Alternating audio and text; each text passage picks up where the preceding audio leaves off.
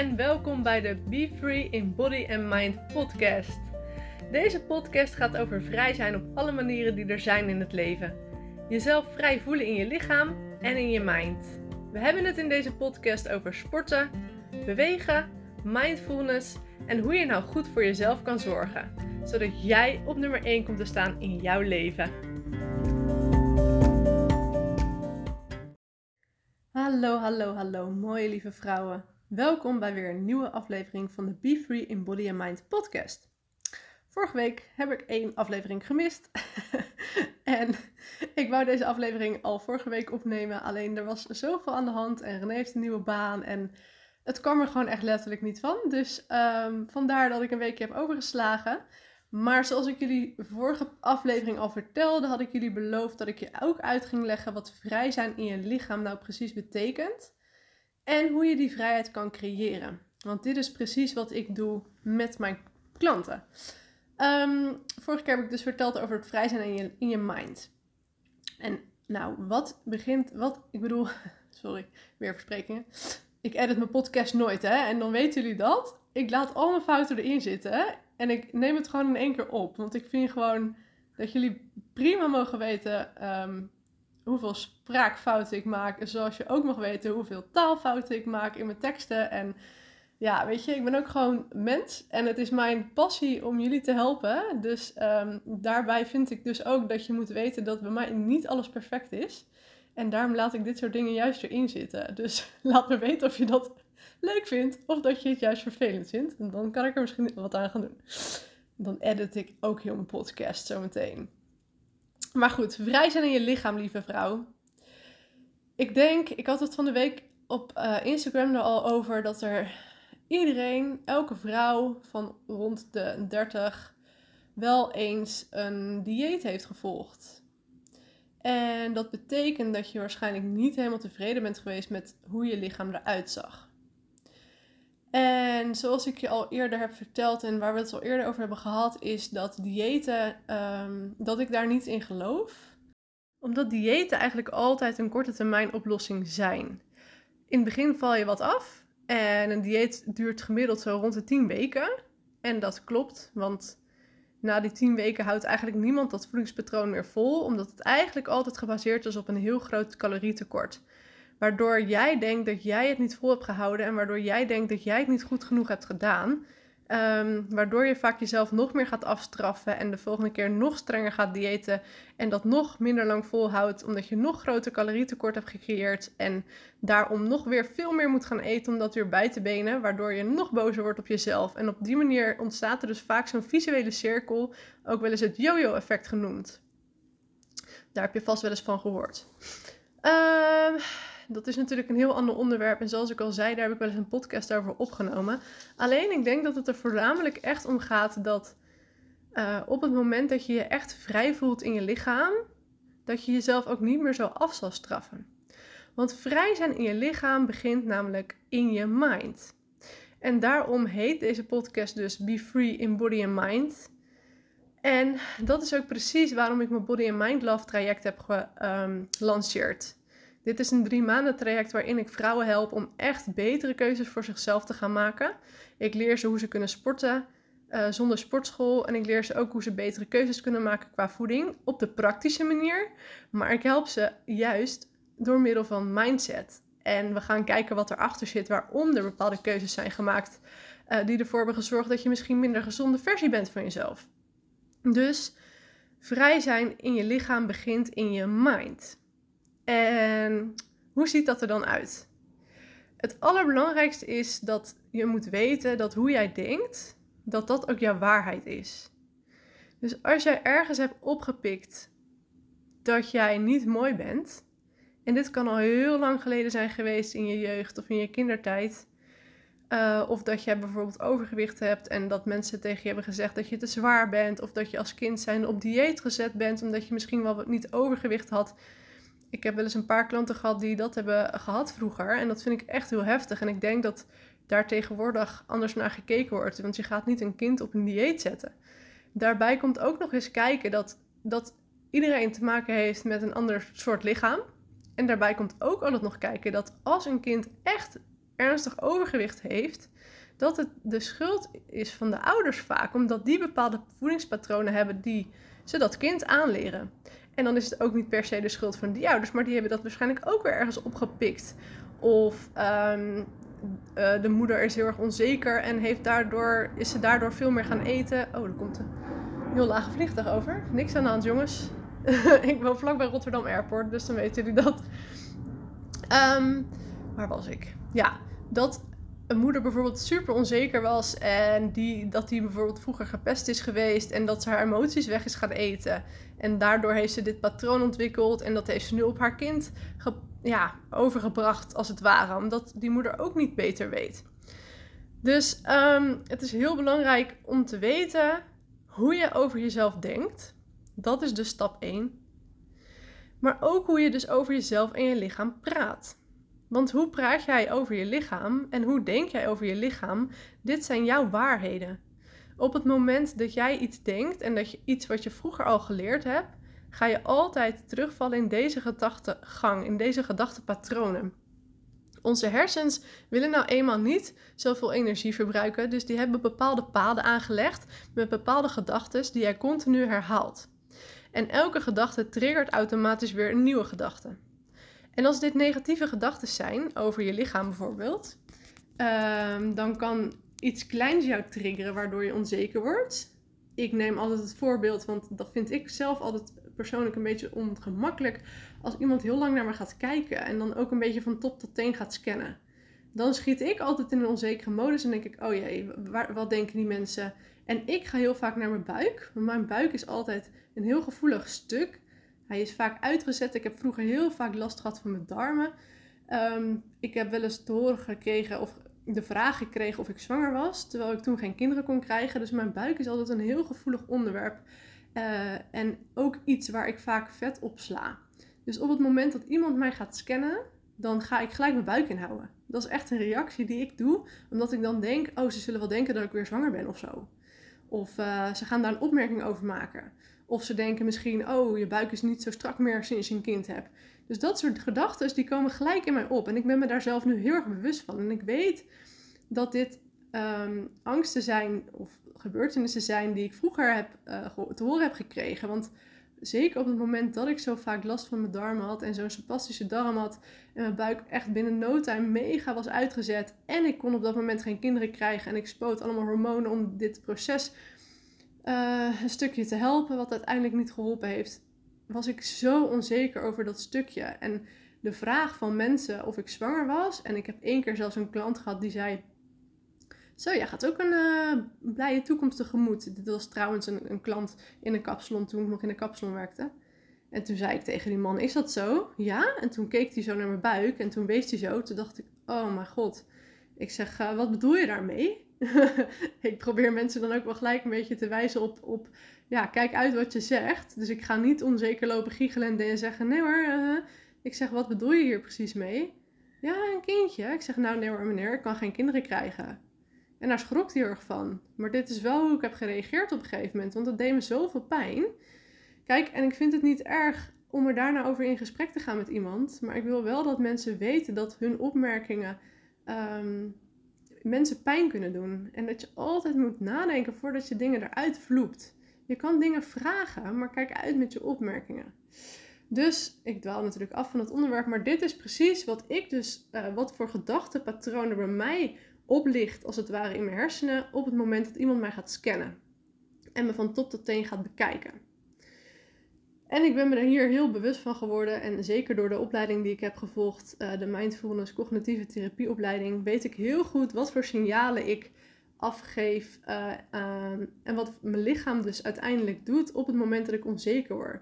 En op het moment dat ik onzeker word en iemand is me aan het scannen, ga ik dus gelijk mijn buik inhouden en ga ik uh, heel hoog in mijn ademhaling zitten, zodat mijn buik niet uitzet. Echt heel bizar als ik er nu over nadenk. Maar dit soort dingen activeren dus door je gedachten. En zo'n gedachte triggert dus daarna weer een negatieve gedachte. En die negatieve gedachte triggert weer een negatieve gedachte. Want dit is het pad in je hersens wat dus oplicht.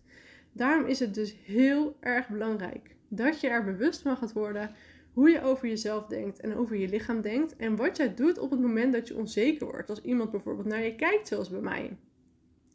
En wat ik al zei, daarbij is het dus heel belangrijk om je er bewust van te worden hoe jij over je lichaam praat. In je hoofd bijvoorbeeld.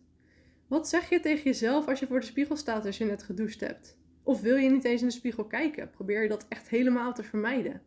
Super belangrijk om dit onder ogen te komen. Waarom ga je niet voor de spiegel staan?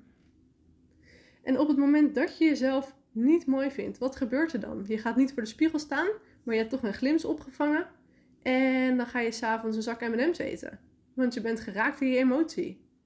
Ik zeg niet dat dit verkeerd is, hè, lieve vrouwen. Dit is precies wat er gebeurt. En ik wil je er bewust van maken dat op het moment dat je het probleem tussen haakjes niet onder ogen komt, en het probleem is niet je lichaam, maar hoe jij over je lichaam praat, hoe jij over je lichaam denkt, hoe jij vindt dat jij eruit ziet, dat is het probleem. En op het moment dat jij niet in de spiegel wilt kijken naar jezelf, omdat je jezelf schaamt, omdat je jezelf niet mooi vindt, dan ga je dit probleem vermijden en vaak ga je dan emotie eten. Dus de allerbelangrijkste tip is voor mij: ga voor die spiegel staan en kijk jezelf aan. En kijk op een milde manier naar je lichaam. Wees je er bewust van wat voor gedachten er omhoog komen. Schrijf ze op. En schrijf ze echt op. En lees ze hardop op tegen jezelf. Om te horen hoeveel pijn het doet als iemand dit tegen jou zou zeggen. En ga voor jezelf na hoe pijn het dus doet op het moment dat je dit soort dingen tegen jezelf zegt. Maar ook denk na. Zal je dit soort dingen tegen een vriendin zeggen? Zal je dit soort dingen tegen je moeder zeggen? Tegen je zusje? Tegen iemand waarvan je houdt? Waarschijnlijk niet. Dus daar zit ergens iets niet oké. want je moet ook zoveel van jezelf houden dat je dit soort dingen ook niet tegen jezelf gaat zeggen. En nogmaals, het is niet verkeerd hè. Want op het moment dat je zegt tegen jezelf: Ik mag dit niet zeggen, ik mag dit niet zeggen. Maar het gebeurt toch onbewust in je hoofd door die automatische gedachtenpatronen ja, dan zal er nooit wat veranderen. En daarom moet je dit probleem onder ogen gaan zien. Ga voor die spiegel staan, kijk jezelf aan, bestudeer je lichaam. Merk wat voor gedachten er in je opkomen. Merk wat er gebeurt in je lichaam als je erover nadenkt, net als wat ik weet over mijn buik. Dat ik mijn buik ga inhouden als ik onzeker word. En ga het opschrijven voor jezelf, want bewustwording is altijd de eerste stap naar healing. En met healing bedoel ik jezelf echt vrij gaan voelen in je lichaam. En dat kan pas als je 100% van jezelf houdt, hoe je er op dit moment ook uitziet. Want als jij jezelf blijft afstraffen met die diëten, dan doe je dat omdat je je lichaam haat. Op het moment dat je echt eerst aan die zelfliefde gaat werken en echt 100% voor jezelf gaat houden, ga je daardoor andere keuzes maken. En omdat je zoveel van je lichaam houdt, wil je er goed voor zorgen dan ga je niet jezelf uithongeren. Dan ga je juist veel groente en fruit eten. Dan ga je juist bewegen omdat je weet hoe goed je je daarna voelt. En dan voel je ook heel goed aan wat je nodig hebt. Op het moment dat je met mij gaat werken en ik ga jou helpen om echt 100% van je lichaam en van jezelf te gaan houden door die mindset, gaan we ook gelijk in actie. We gaan ook gelijk beginnen met sporten, maar we gaan ook gelijk kijken naar je voedingspatroon. Welke keuzes maak je nu? En nogmaals, niks om negatief over te zijn, maar juist bewust van worden. Van wanneer eet ik wat? Wat is er gebeurd die dag? Hoe heb ik me op, op dat moment gevoeld? Is er iets gebeurd waardoor ik onzeker werd? Is er iets gebeurd waardoor mijn onzekerheid getriggerd is? Uh, wat ben ik daarna gaan doen? Wat voor eten heb ik daarna voor mezelf gemaakt? Um, ja, goed, het kunnen natuurlijk honderd voorbeelden zijn, maar ik denk dat je wel begrijpt wat ik bedoel. Dus dit zijn echt hele belangrijke, essentiële dingen. Dus als ik je tips mag geven, dus ga voor die spiegel staan. Kijk wat er naar boven komt. Schrijf die gedachten op. Wees eerlijk tegen jezelf. Het is mega moeilijk. Het is super confronterend. En zeg hierna ook tegen jezelf dat je van jezelf houdt. Is ook super moeilijk. Maar ik heb het met klanten geoefend en ik weet nog wel dat ik een van mijn eerste klanten had die ook zei: Ja, ik ben automatisch tegen mezelf gaan zeggen dat ik van mezelf hou in de spiegel. Ik merkte ineens dat ik dat deed en dat is zo ontzettend tof. Want dan werk je dus onbewust aan andere gedachten. Nou ja, op het moment dat je het zegt ben je er bewust van, maar je legt andere paden aan in je hersens. De paden van liefde. Ik hou van mezelf, ik hou van mijn lichaam. Ik wil juist de keuzes maken voor mezelf omdat ik zoveel van mezelf hou. En zorg ook voor dat je dus bewust bent van ehm, wat jou altijd verteld is. En kijk, dat is ook dat is iets redelijk dieps. En dat is ook iets waar ik je heel goed bij zou kunnen helpen. Want vaak kom je daar zelf niet achter, omdat dat een blinde vlek is. Ehm, omdat wat jij geleerd hebt uh, vroeger, dat is jouw waarheid geworden. Dus het kan zijn dat je helemaal niet eens beseft dat sommige dingen die er verteld zijn tegen jou niet oké waren. En dat is dus juist iets waar ik met jou achter kan gaan komen als wij samen dat traject gaan uh, bewandelen.